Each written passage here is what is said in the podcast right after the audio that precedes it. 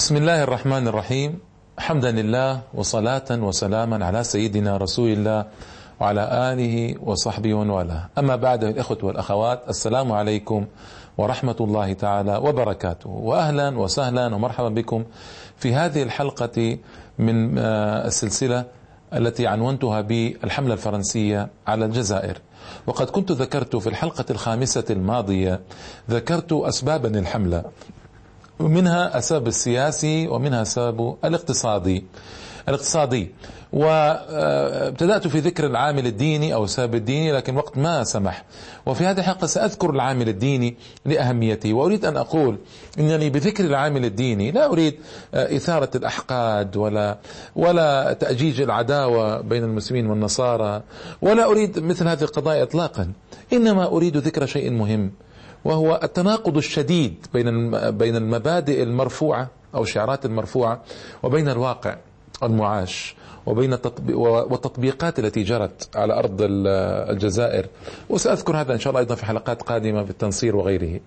أريد أيضا نبين حقائق للاجيال لأن من مهمة التاريخ أن يعرض بدون رتوش كما يقال. أن يعرض بدون تقديم ولا تأخير ولا تحريف ولا تبديل ولا زيادة ولا نقصان. أن يعرض التاريخ كما هو للأجيال لأنه في الحقيقة ملك للأجيال.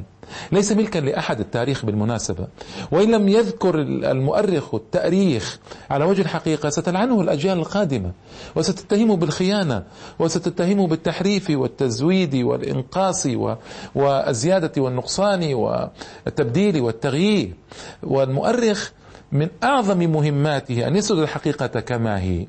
لا بأس بإضافة العبر والعظات واستنباط استنباطها من سرد الأحداث. لا بأس من التحليل لهذه الأحداث. كل هذا لا بأس به لكن من أعظم مهمات المؤرخ على الإطلاق أن يذكر الحقائق كما هي أن يضع نصب الأعين حتى تستفيد الأجيال. لأن من أهم الأسباب التي أدت بي إلى ذكر سرد هذه الأحداث التاريخية لا من أجل القص ولا من أجل ملء الفراغ والأوقات أبدا. معاذ الله أريد شيئا أسمى من هذا.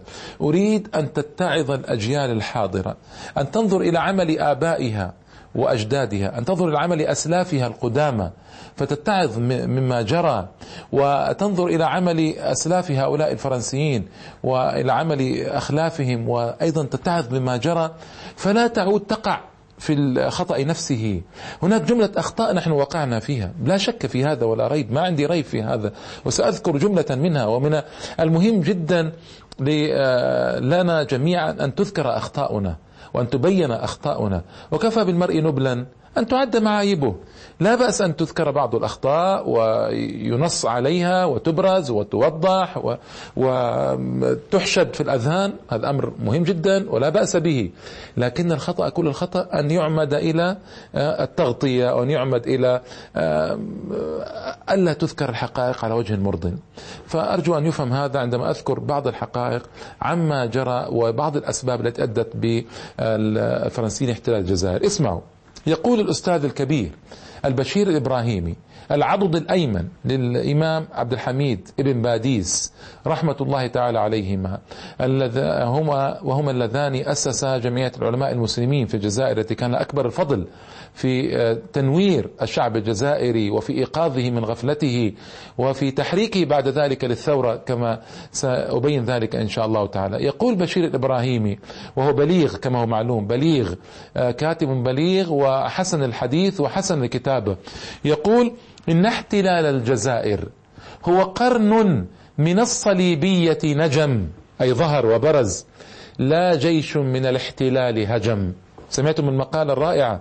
إن احتلال الجزائر إنما هو قرن من الصليبية نجم أي ظهر وبرز. إنما هو قرن من الصليبية نجم لا جيش من الاحتلال هجم. وهو بهذا يلخص سنوات طويلة جدا في الحقيقة. ويلخص يلخص أسبابا كثيرة جدا ويجوزها إيجازا رائعا بهذه الكليمات البليغة بل البليغة جدا. آه طبعا آه يقول آه، جورج بيدو رئيس الحكومة الجزائرية في طبعا الفرنسية في الجزائر يقول عن الجزائر وكان أيضا وزير خارجية الحكومة الفرنسية يقول سيحطم الصليب الهلال. هذا متى هذا كلام بعد أكثر من مئة سنة من غزو فرنسا للجزائر. فإذا كان بعد مئة سنة من غزو فرنسا للجزائر يقول وزير خارجيته وزير خارجيته يقول هذا. ويقول أيضا هو رئيس حكومته فيما بعد يقول هذا. فلكم أن تعلموا إذن كيف هذه المشاعر كانت آه، مفضوحة بعد مئة سنة من الاحتلال فكيف كانت أيام الاحتلال؟ وكيف كانت قبل الاحتلال؟ أما قبل الاحتلال فاسمعوا العجب هنا. يقول آه، طبعا الغربيون يقولون أننا متعصبون ومسلمون متعصبون ومسلمون متطرفون ونحن ك ويصدق فيهم المثل العربي رمتني بدائها وانسلت. رمتني بدائها وانسلت. فهذا داؤهم العصبية المفرطة والتطرف المفرط هذا داؤهم وإن غلفوه اليوم ب يعني بالعلمانية وبالتلطف وبالبعد عن التطرف وهذا الكلام الذي لا قيمة له عند التطبيق كما نعلم. هم يعني ما زالوا على عصبيتهم ما زالوا على تطرفهم إلى يوم الناس هذا. وجاك سوستيل كان حاكما للجزائر يقول أصدر كتابا بعد خروجه من الجزائر يقول الصفحة لم تطوى بعد. الصفحة لم تطوى بعد. فهم؟ يعني ما نسوا الجزائر اطلاقا بالمناسبة. ما نسوا كما لم تنسى بريطانيا جوهرة تاجها وهي الهند. آه، يقول الشهر العاشر وهو الذي أمر بالحملة يقول قبل أربعة أشهر من الاحتلال بوضوح شديد إن العمل الذي سأقوم به هو ترضية للشرف الفرنسي. سيكون بعون العلي القدير لفائدة المسيحية كلها. اذا القضية قضية دينية في حس الساسة الفرنسيين وأوضحوها وأظهروها بشكل لا يقبل النقاش ولا يحتاج إلى برهان.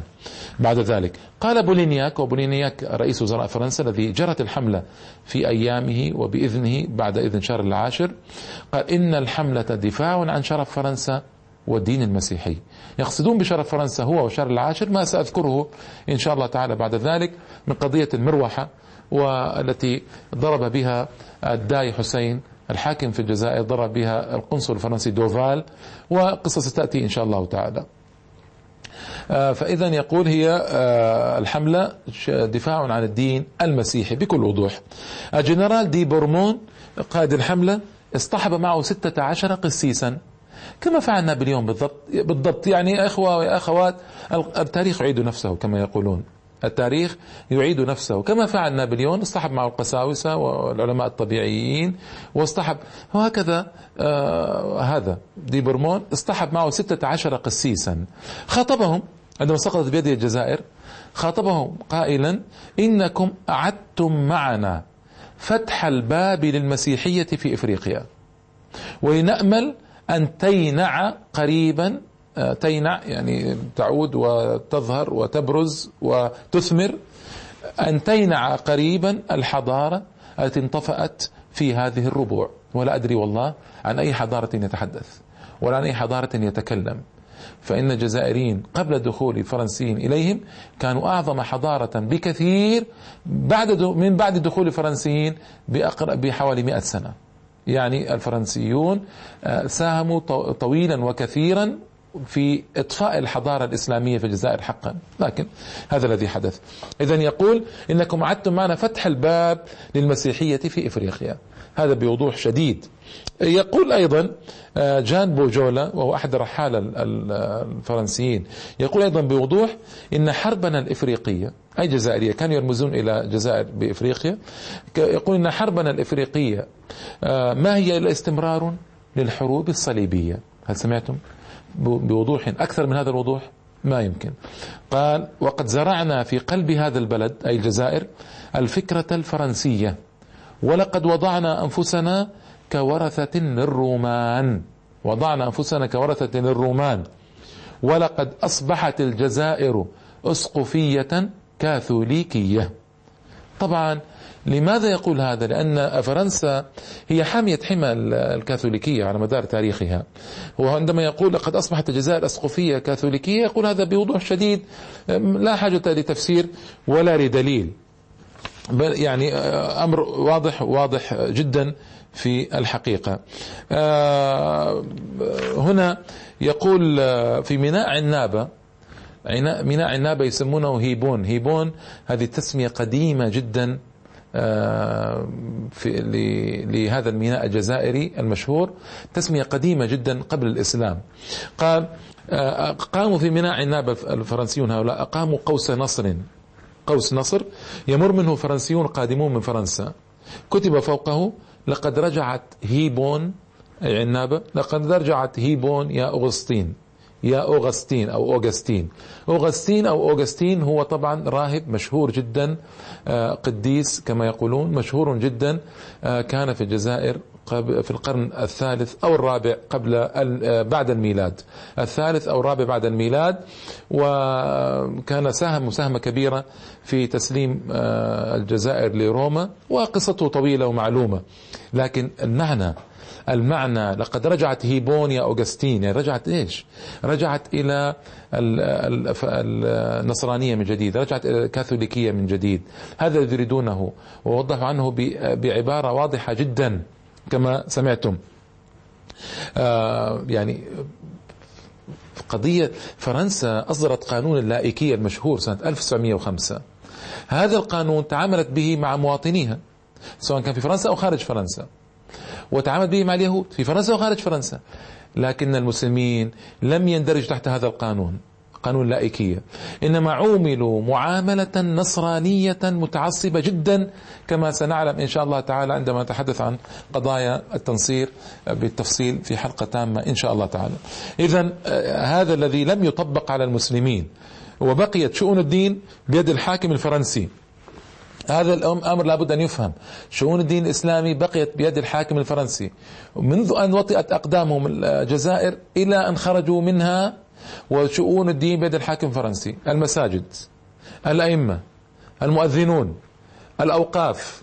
كل ما سأذكره بالتفصيل إن شاء الله تعالى بقي بحوزة الحاكم الفرنسي يتصرف فيه كيفما شاء بدون رجوع لقانون فرنسي أو غير فرنسي. وبدون استصحاب في ذهن يعني قانون اللائكية الفرنسي سنة 1905 أي العلمانية أبدا إطلاقا. وعومة الجزائر معاملة خاصة مستثنى على ما يدل هذا؟ يدل على عصبية مفرطة نصرانية للأسف الشديد عومل بها أهل الجزائر. بدون شك بدون شك الاستيلاء على المساجد بعد التعهد بعدم مسها. هذا حدث أيضا. تعهد تعهد قائد الحملة بعدم مس المساجد وبمنشور محفوظ إلى يوم الناس هذا. تعهد فيه تعهدا كبيرا بشرف فرنسا كما قال وللأسف الشديد خالفوا هذا منذ أن وطئت أقدامهم أرض الجزائر. كما سيأتي تفصيله إن شاء الله تعالى. فهذا كله أيضا يدلنا على ما جرى ويجري. أحد المستشرقين الفرنسيين ألقى محاضرة في مدريد بعد استقلال الجزائر. وهذه المحاضرة خطيرة ومهمة جدا لماذا؟ أنه ذكر فيها السبب الديني الواضح لغزو الجزائر. ماذا قال؟ اسمعوا. قال تحت عنوان محاضرة لماذا كنا نحاول البقاء في الجزائر؟ قال إننا لم نكن نسخر. نصف المليون جندي من أجل نبيذ الجزائر من أجل نبيذ الجزائر وصحرائها وزيتونها. إننا كنا نعتبر أنفسنا سور أوروبا الذي يقف في وجه الزحف الإسلامي. المحتمل أن يقوم به المسلمون عبر المتوسط ليستعيدوا الأندلس التي فقدوها. وليدخلوا معنا في قلب فرنسا بمعركة جديدة وينتصرون فيها ويكتسحون أوروبا الواهنة. هل سمعتم؟ ويكتسحون أوروبا الواهنة ويكملون ما كانوا قد عزموا عليه أثناء حلم الأمويين بتحويل المتوسط إلى بحيرة إسلامية خالصة. من أجل ذلك كنا نحارب في الجزائر. هل تريدون وضوحا أكثر من هذا؟ وضوح ليس بعده وضوح. ما أظن بعد هذا وضوحا. قال القائد آه، كليرمون دي تونير عندما فرض حصار على السواحل الجزائرية. فرض الحصار على السواحل الجزائرية قبل الدخول إلى الجزائر. آه، قال مالي لقد أرادت العناية الإلهية أن تثأر حمية جلالتكم أي جلالة الملك بشدة في شخص قنصلكم على يد ألد أعداء المسيحية. اسمعوا كيف كانت الجزائر تمثل لهم. ألد أعداء المسيحية. وذكرت لكم الحلقة الماضية كيف كانت الحلقات الماضية كيف كان الجزائريون في البحر؟ كانوا أسودا أشاوس وأبطالا عظماء. وعلى رأسهم خير الدين بربروسا وعروج بربروسا آه، أبطال أبطال كبار عظماء كانوا في الحقيقة ورفعوا رأس المسلمين عاليا قرونا. هؤلاء الجزائريون رفعوا رأس المسلمين عاليا قرونا في البحر الأبيض المتوسط وذكرت لكم تفصيل ذلك في الحلقات الماضية. لذلك هم يقول هو يقول هم على يد ألد أعداء المسيحية. وربما يساعدنا الحظ بهذه المناسبة لننشر المدنية بين السكان الأصليين وندخلهم في النصرانية. ننشر المدنية. إذا هم يقرنون بتعمد وبسوء نية بين المدنية والنصرانية. وهذا طبعا لا يلزم هذا لا يلزم ابدا اجتماع المدنية والنصرانية. بالعكس رأينا اجتماع النصرانية مع التوحش والهمجية في الحروب الصليبية. الحرب الصليبية أقصى درجات الوحشية والهمجية. وكنا نحن في أعلى درجات المدنية. فما يلزم هذا هذا كلام فارغ غير مقبول وهذا أمر معلوم. لأن كانوا يصيمون يصيمون الجزائريين دوما بأنهم برابرة وأنهم وحشيون وأنهم همجيون وأنهم طبعا ما كان الجزائريون كذلك. سأذكر هذا بالتفصيل وأبين وأبرهن على هذا بالتفصيل إن شاء الله تعالى. إذا أيضا آه، وندخلهم في النصرانية. كأن النصرانية هي شرف يعني سيحوز سكان الجزائر وإذا دخل في النصرانية يعني أنهم تقدموا في في سلم المدنية. يعني مغالطات مغالطات شديدة. أيضا القائد دبرومون في احتفال قاموا به آه، في فناء القصبة بمناسبة الانتصار. بعد أن دخلوا الجزائر وانتصروا أقاموا حفلا في القصبة والقصبة هي قلب المدينة القديمة في الجزائر وموجودة إلى اليوم. آه، قال فيه مولاي الملك يعني لقد فتحت بهذا العمل أي الغزو بابا للمسيحية على شاطئ إفريقيا. ورجاؤنا أن يكون هذا العمل بداية لازدهار الحضارة التي اندثرت في تلك البلاد. سمعتم كيف الربط المتعمد سيء النية بين الحضارة وبين النصرانية؟ هذا. هكذا طبعا. وعلى هذا الأساس اتفق المؤرخون على أن فرنسا قد بيدت العزم لاحتلال الجزائر ورسمت الخطط دبرت المؤامرات واتخذت العدة ثم تصيدت الذرائع الواهية. كل هذه الأسباب سياسية ذكرتها واقتصادية ودينية كل هذه أسباب اجتمعت للغزو الفرنسي للجزائر. ونحن نعلم أن الجزائر إلى سنة 1830 كانت يعني قوة معتبرة لا بأس بها. إلى سنة 1827 دعني أقول. السبب المهم الذي أدام أيضا للغزو أن الأسطول الجزائري تحطم في معركة نافرين في اليونان. هذه معركة مؤسفة ومؤلمة. ذلك أن الدولة العثمانية استصرخت الجزائر. وطبعا قلت لكم مرارا أن الجزائر كانت العضد اليمنى العضد الأيمن للدولة العثمانية في البحر. بل كانت هي العمود الفقري للبحرية العثمانية في الحقيقة. آه، صارت معركة نانفرين الأسطول الإنجليزي الذي كان آنذاك في قوة كبيرة جدا بل في أوج درجات قوته في العالم كله كان الأسطول الأول في العالم مع الأسطول الفرنسي. حطما تماما الأسطول الجزائري في معركة نافرين.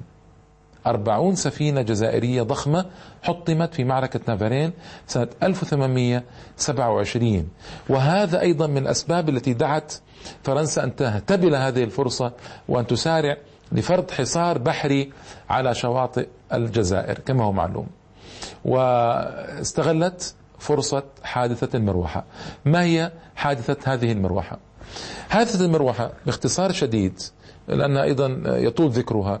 كان هنالك يهوديان تاجران في الجزائر بكري وبشناق هذان اليهوديان كان يتوليان العلاقة التجارية بين فرنسا والجزائر.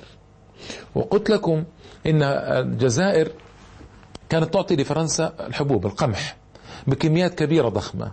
وديون كانت في أوقات فرنسا كانت محتاجة للقمح ما عندها أموال. فتراكمت على فرنسا أموال هائلة لصالح الجزائريين.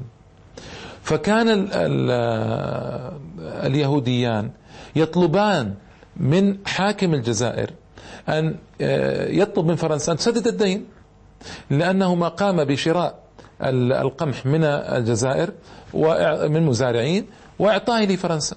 فرنسا ما طلت طويلا سنوات طويلة. تماطل وتماطل وتماطل. هنا الداي حسين وهو حاكم الجزائر وسيأتي ترجمته إن شاء الله في الحلقة القادمة وما عمل وما أحدث في الجزائر. الداي حسين يعني الحاكم العام للجزائر معنى الداي والباي هو حاكم المقاطعات. الداي الداي اجتمعوا في يوم عيد في قصر الداي حسين.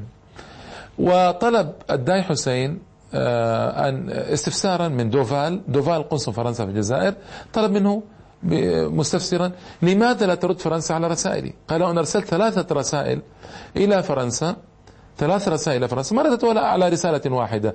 فلماذا هذا الإهمال؟ وطلب منه أن يساعد طلبا ملحا مرات عديدة وفي هذه المرة أيضا أكد أن تسارع فرنسا تسديد ديونها للجزائر. دوفال كان شخصا متكبرا فيه عنجهية وفيه كبر. فقال إن إن فرنسا ملكا وشعبا لا يردان على رسائلك أبدا. ولا يمكن أن يرد على رسائلك. هنا طبعا هذا الاحتقار الواضح. ما استطاع الداعي حسين يملك نفسه. قام من مكانه مغضبا وكان مع مروحة في يده فقيل إنه لوح بها في وجه السفير الفرنسي وقيل إنه ضربه بها بالمروحة هذه مرتين أو ثلاثا لأنه أهانه بحضور القناصل والسفراء الأوروبيين والمسلمين في يوم عيد عيد المسلمين وأهانه فلم يحتمل الإهانة فقام وضربه على وجهه بما سمي بعد ذلك بحادثة المروحة حادثة المروحة هذه الحادثة آه، اتخذتها فرنسا سببا كبيرا للغزو وادعت أن شرفها قد أهين في الجزائر وأن لابد أن تقتص من إهانة سفيرها في الجزائر وأنها وأنها وأنها وضربت حصارا بحريا على الجزائر في سنة 1827 لمدة قرابة ثلاث سنوات. ثلاث سنوات استغلت بذلك أن الأسطول الجزائري محطم تماما وأنه لم تبقى للجزائر قوة بحرية تستطيع أن تنقذها من الأساطيل الفرنسية القوية التي قدمت من ميناء طولون العسكري الفرنسي تباعا منذ سنة 1827 إلى سنة 1830 إذا هذه الحادثة كانت هي السبب المباشر لما جرى. أيضا مما شجع الفرنسيين على احتلال الجزائر وهي حادث إغراق السفينة لا بروفانس.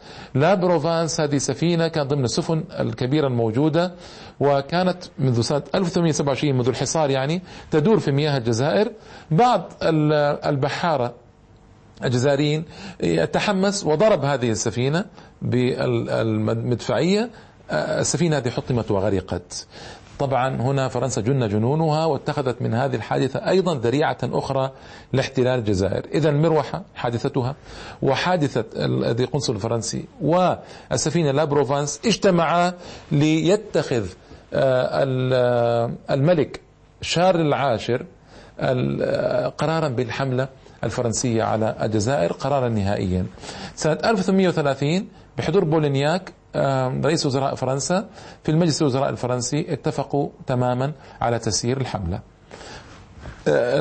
قلت لكم هناك حصار بحري ضرب منذ 1827 لكن السفن الكبيرة التي جاءت وتسيير الحملة وإرادة الغزو لأن في الحصار صار هناك مفاوضات وطلبوا من الداعي حسين أن يعتذر. وطلب منهم بشروط مجحفة وبإهانة كبيرة جدا. ما وافق الداعي حسين ولا وافق الدولة العثمانية. لذلك اتخذوا قرارا بالاحتلال الفعلي سنة 1830 وتوجهت الأساطيل لغزو الجزائر. وتفصيل ذلك إن شاء الله تعالى وما جرى سأذكره في الحلقة القادمة لأن المخرج أشار من انتهاء الوقت. فإلى اللقاء إن شاء الله.